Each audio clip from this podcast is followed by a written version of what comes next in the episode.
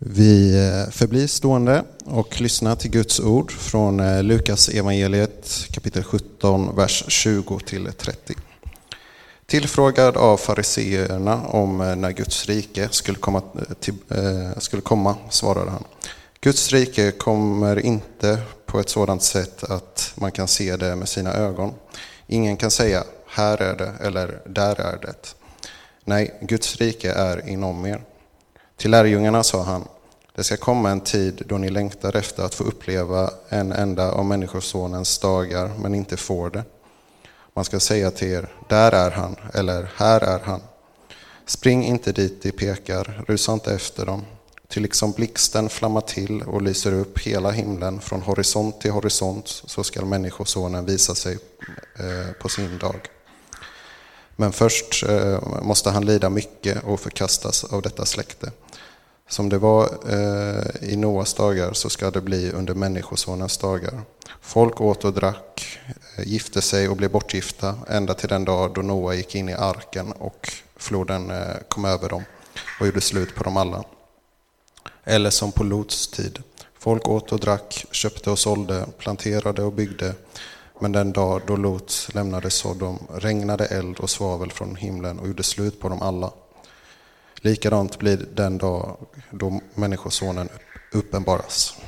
Så lyder Herrens ord.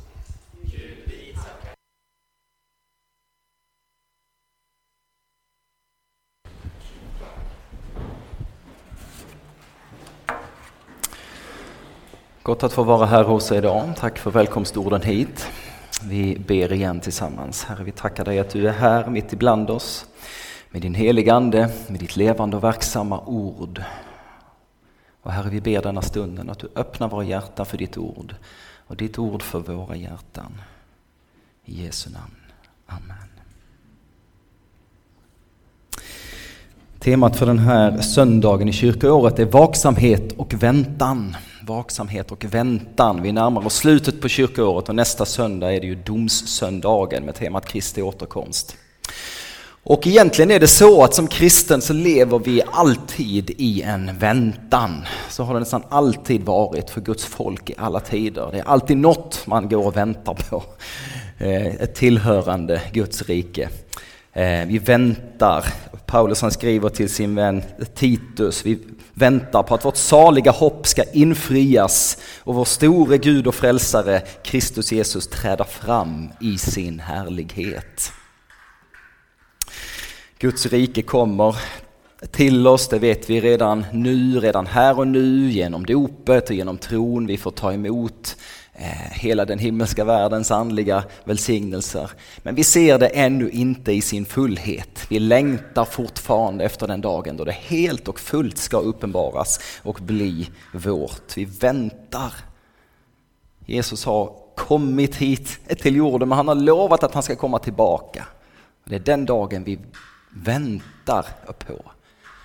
Vi ser fortfarande när vi blickar ut över den här världen hur mycket det är som inte är som det borde vara. I mitt liv, i Malmö, i Sverige, i världen. Och vi väntar på den dag som Gud har lovat. Han ska ställa allt till rätta. Då vi ska få vara fullt ut i gemenskap med honom. Vi ska snart fira advent. Eh, och det är också en väntans period. Vi väntar inte bara på julen och får fira hans första ankomst, utan advent innehåller också det där, väntan på det som ska komma. Och innan Jesus kommer så berättar han för sina lärjungar och för oss att det kommer vara tider av orolighet. Eh, lite längre fram i, i vår text vi läste här idag så var det en hel del eh, ja, häftiga specialeffekter som vi väntar på. Eh, och lite, lite, längre fram i Lukas evangeliet, om man läser vidare, så eh, säger Jesus så här, när ni får höra om krig och oroligheter, eh, så tappa inte besinningen.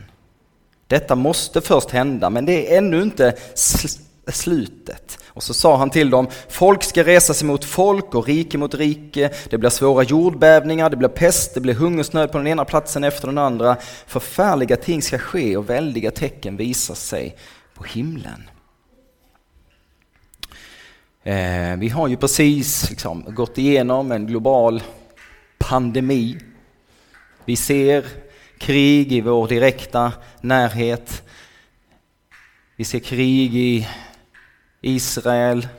Eh, det här händer ju, vi upplever och vi ser sådana här saker i vår omvärld som är en del utav det här. Krig och oroligheter. Översätter man det grekiska ordet så innehåller det liksom politiska revolutioner, upplopp, kaos. Allt sånt som vi ja, egentligen ganska länge, egentligen alltid kanske har sett i den här världen. Men förmodligen känslan är att det blir mer och mer. Och Jesu råd till oss är tappa inte besinningen. Eller som en annan översättning säger, bli inte förskräckta. Återigen, det, det, det, det ordagranta grekiska uttrycket är hukar inte ner av rädsla.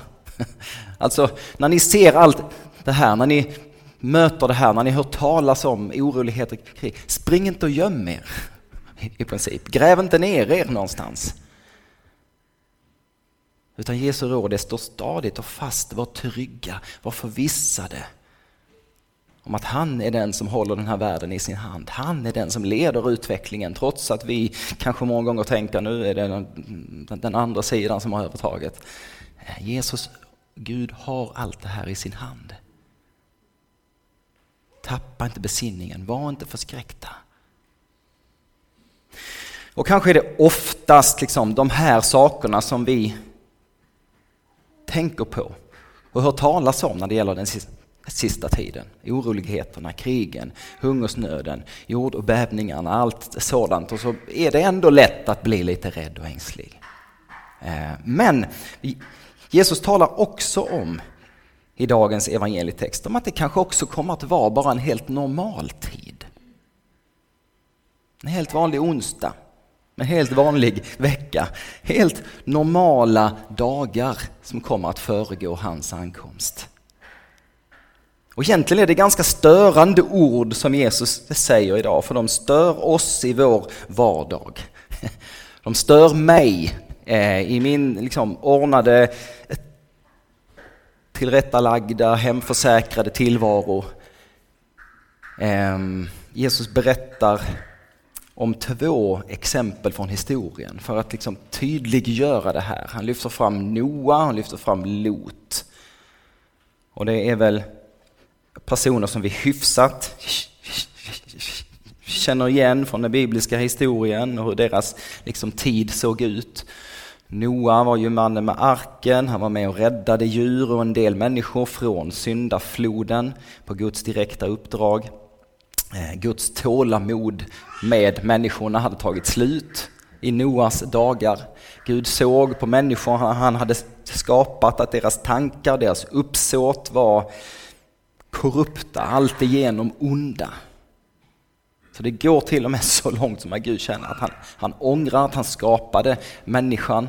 Eh, men Noa och hans familj hade funnit Herrens välvilja, eh, blev räddade undan den här syndafloden. Och Lot, han var ju brorson till Abraham, bodde i den eh, stora fina staden Sodom, eh, som Gud ville förgöra med eld. Även där, eh, över både Sodom och Gomorra, så hade Guds tålamod tagit slut. När Gud blickar ner och ser så var det här också städer fyllda utav människor som var fyllda utav ondska, orättvisa. Det fanns en mänsklig misär. Det står att två änglar går dit för att rädda Lot och hans familj. Lot var den enda i den här staden som var trogen Gud, som brydde sig om eh, Guds ord. Och när de här männen i staden fick höra att Lot hade två gäster hos sig så slår de in dörren, de ska tvinga sig på de här männen för att få ligga med dem. Och änglarna slår de här männen med blindhet och så lämnar de staden med Lot och hans familj innan Gud förstör staden med eld. Det här är två rätt utmanande berättelser, minst sagt, ifrån det gamla testamentet. Och vad säger de om vår Gud?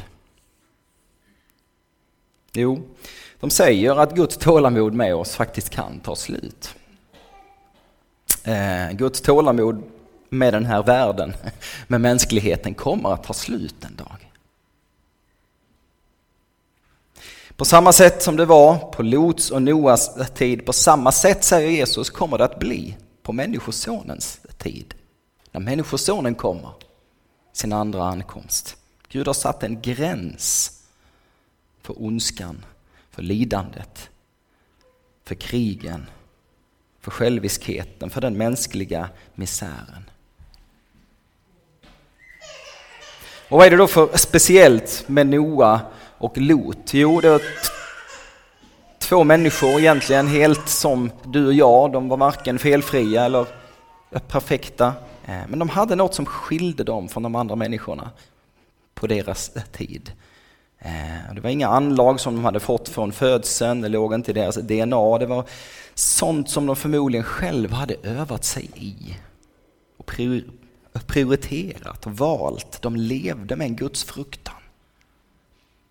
De levde med ett öra öppet mot Gud. Levde med en orubblig tillit till himmelens och jordens skapare, Herre.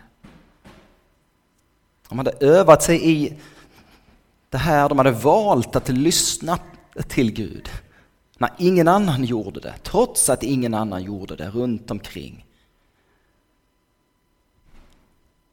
Noa hade hört Gud tala till sig direkt, inte bara en gång utan ganska många gånger. Och han hade blivit mer och mer övertygad. Katastrofen närmade sig. Människorna föraktade Gud runt omkring. De kunde bara inte fortsätta på det här viset. Och han begrep mer och mer hur han skulle kunna rädda sig och sin familj och en stor del av Guds skapelse. Eh, och så började han bygga på den här arken. Ett år, två år, tio år. Tog det 20 år, 30 år? Hur tror ni det kändes att vara Noa vid det här tillfället? Att bygga en väldig ark 150 gånger 30 meter. Mitt uppe på torra land. Hur tror ni hans fru, hans söner, liksom, kände sig i samhället runt omkring. Vad, vad, vad har hänt med er farsa? Omgivningens tryck, omgivningens glåpord. Eh, grannarna som trodde att Noa fullständigt hade tappat det. Han var helt ensam med att göra det Gud ville i den situationen. Det är inte säkert att han visste hur allting skulle ske, förmodligen inte. Förmodligen levde också Noa med massa frågor eh, som han inte hade svar på. Eh, men han hade på något sätt hört tillräckligt. Och han trodde på Guds röst. Han litade på det han hade hört. Därför blev Noa räddad, ensam bland alla andra som inte tyckte att det där med Gud var särskilt viktigt. Och för Lot var det på ett lite annat sätt. I den här stora staden Sodom, en ganska rik stad. Eh, där hade människor mer och mer upphört att lyssna till Guds röst och följa hans anvisningar. Och det är ju så att när Gud lämnas utanför, ja då kommer det ju annat, andra och tar Guds plats i våra liv. På så sätt hade missbruk och sexuell orenhet fått spridning i den här staden med en sån pervers vilja att till och med liksom våldta främlingar som kom på besök till den här stan. Och Lot blev ensam kvar tillsammans med sin familj som var trogna Herren i den här staden. Men han hade också en from farbror som förmodligen bad för honom, Abraham. Och genom hans förböner så blev han räddad. Och Lot lyssnade på de änglar som Gud sände, han följde dem och han blev räddad. Men vad Jesus säger då om de här båda situationerna, Not och Noa och Lot i all ära, men i det samhälle de levde, i den vardag, jo Jesus han säger att människorna i deras omgivning, de åt och drack, de gifte sig, de köpte och de sålde, de planterade, de byggde, de renoverade. Det är ju inget fel i det. Det är jättebra grejer, det är sånt vi håller på med allihopa. Ehm, det hör till livet. Men om man inte tänker på någonting annat än bara det. Om det är allt som upptar ens sinne. Om det är det som är fokus i livet, ja då kan till och med det som är rätt liksom skymma det som är rättfärdigt. Och då kan det bli liksom inte bara fel utan direkt synd. Om sådana saker liksom blir allt för oss, om det är det vi fyller våra tankar med, våra prioriteringar, våra livsval, våra pengar, så mycket så att Gud inte får plats, ja då blir det fel. Givetvis var det så att både Noa och Lot åt och drack. Noa drack ju till och med lite väl mycket någon gång. Ehm, de åt och drack, de gifte sig, planterade, byggde, köpte, sålde, renoverade. De gjorde det också, men de gjorde det liksom inför Gud, med Gud. Med Gud som den högsta prioritet, han som de tillbad och fruktade. De litade på honom, de lyssnade på honom. Det andra blev sekundärt. Det var deras första prioritet. Allt de gjorde gjordes utifrån den relationen.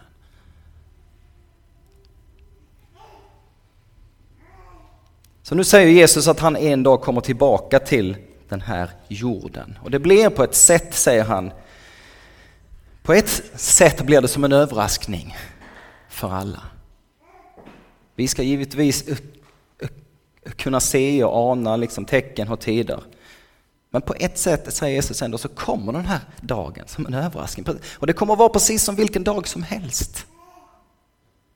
Det kommer att se ut så här, precis som på Noas och Lots tid. En helt vanlig dag när Noa gick in i arken. Det var inte det att det liksom lyste och blinkade, nu är denna nu har dagen kommit. Möjligtvis regnade det lite mer än en normal dag kanske. Men det fanns liksom inga andra synliga, tydliga tecken. Det var en helt vanlig dag, normal dag när Lot lämnade Sodom. Det var inte det att det gick att se yt- liksom, några tecken på att något särskilt var på gång. Det var en helt vanlig dag. De här uppräkningarna som Jesus ger, att äta och dricka, köpa, sälja, gifta sig etc. Det är ju exempel på hur vardagen liksom går precis som vanligt. Dag ut och dag in, vecka in och vecka ut. Det fanns inga särskilda tecken på att något exceptionellt skulle hända. Och en vardag framöver som ser ut som vilken dag som helst, då kommer Jesus tillbaka. Och då, när det väl händer, då kommer alla ha se det. Det kommer förmodligen inte vara vid något millennieskifte eller eh, eh, något liknande, utan en, en vardag. En grå onsdag, vilken som helst framöver. Och i Bibeln så är det intressant för det talas om den här dagen på lite olika sätt, lite olika nyanser. I Joel 2.11 så står det om Herrens dag, den stora och fruktansvärda.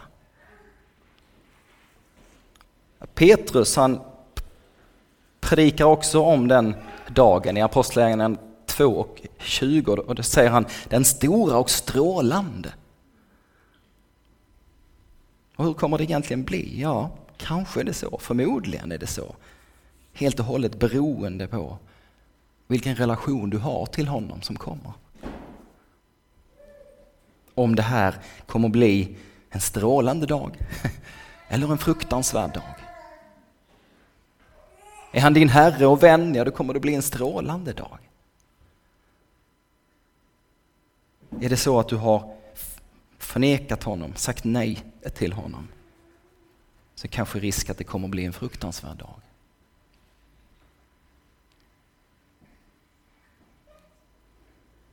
Men då, då kommer inte människorna längre att säga Åh, varför händer detta mig? Vad, vad orättvist. Jag som verkligen har legat i och jag har verkligen försökt vara god och generös. Och bla bla bla. Då kommer vi att begripa bara att alla sådana frågor är helt meningslösa. Alla sådana frågor kommer inte ha någon som helst betydelse. Utan istället så kommer i så fall människorna att beklaga sig över varför de inte lyssnade till Gud de gånger som han sökte dem. De gånger som de kanske till och med kände hans närvaro. Varför valde vi allt det där andra som vi trodde var bättre, häftigare, roligare?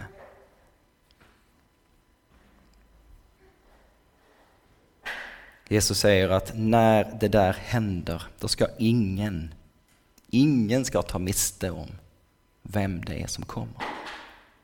Alla kommer att se det samtidigt. Alla kommer att veta och förstå att det är Jesus Kristus som kommer på himlens skyar. Till liksom blixten flammar till och lyser upp hela himlen från horisont till horisont. Så ska Människosonen visa sig på sin dag.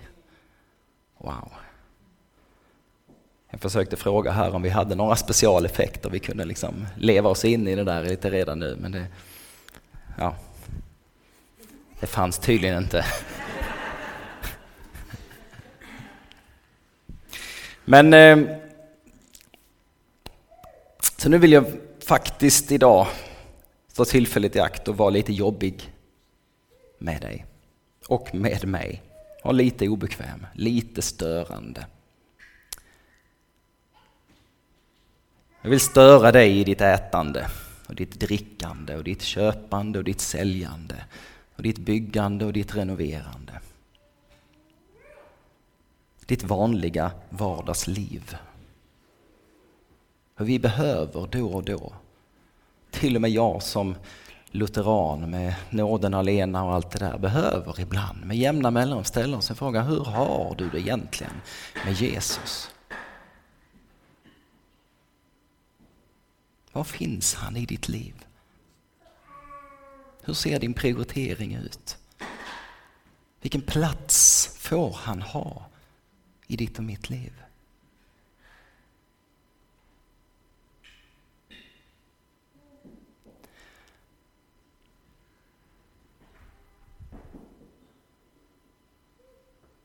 När Bibeln talar om vaksamhet och väntan, det är ett rätt vanligt tema i NT.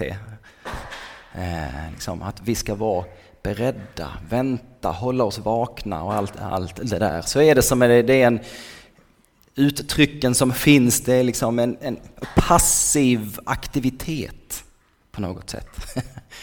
Eh, det, det, är att, det är att vara aktiv, men, men liksom, det är inte jag som gör det, men jag ska ändå vara beredd. Jag har en ganska stor hund där hemma, labrador som heter Walter. Och jag får, varje morgon så får jag ett exempel på hur man kan liksom, vänta aktivt. När jag sitter där med min, min morgonkopp och så kommer han fram och så lägger han sig lite bredvid och undrar när jag ska fylla på hans matskål eh, den här morgonen. Och det liksom, han ligger och har, känns som att han vilar, men hela, hela tiden liksom så är där. och det, det räcker ibland att jag bara rör mig lite så.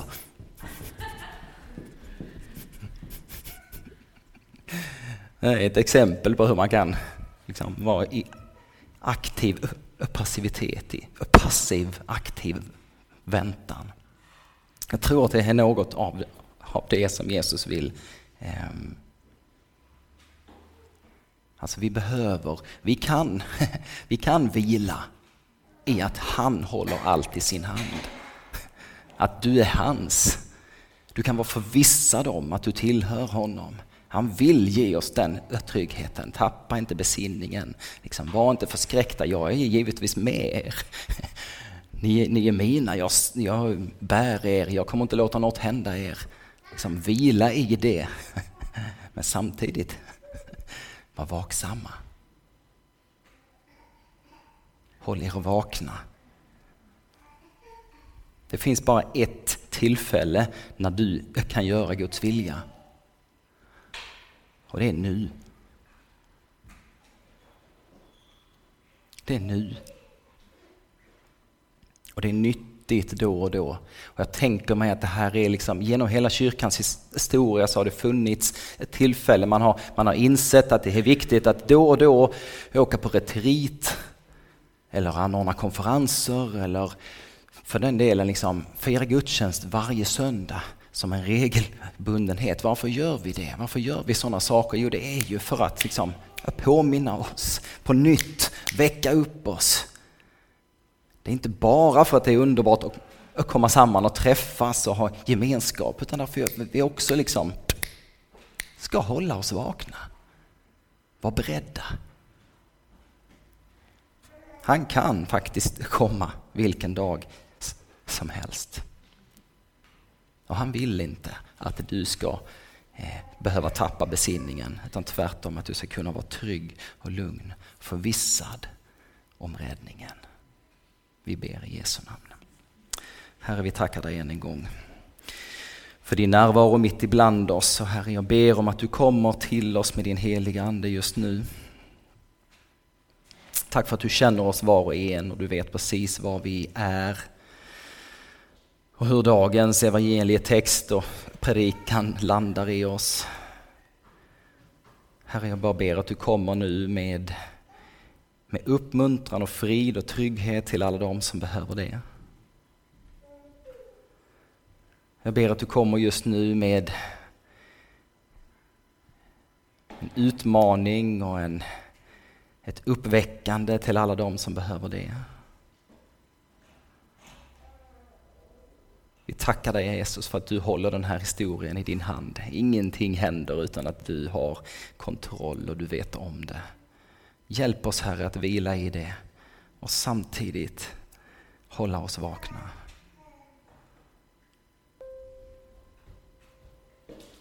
Amen.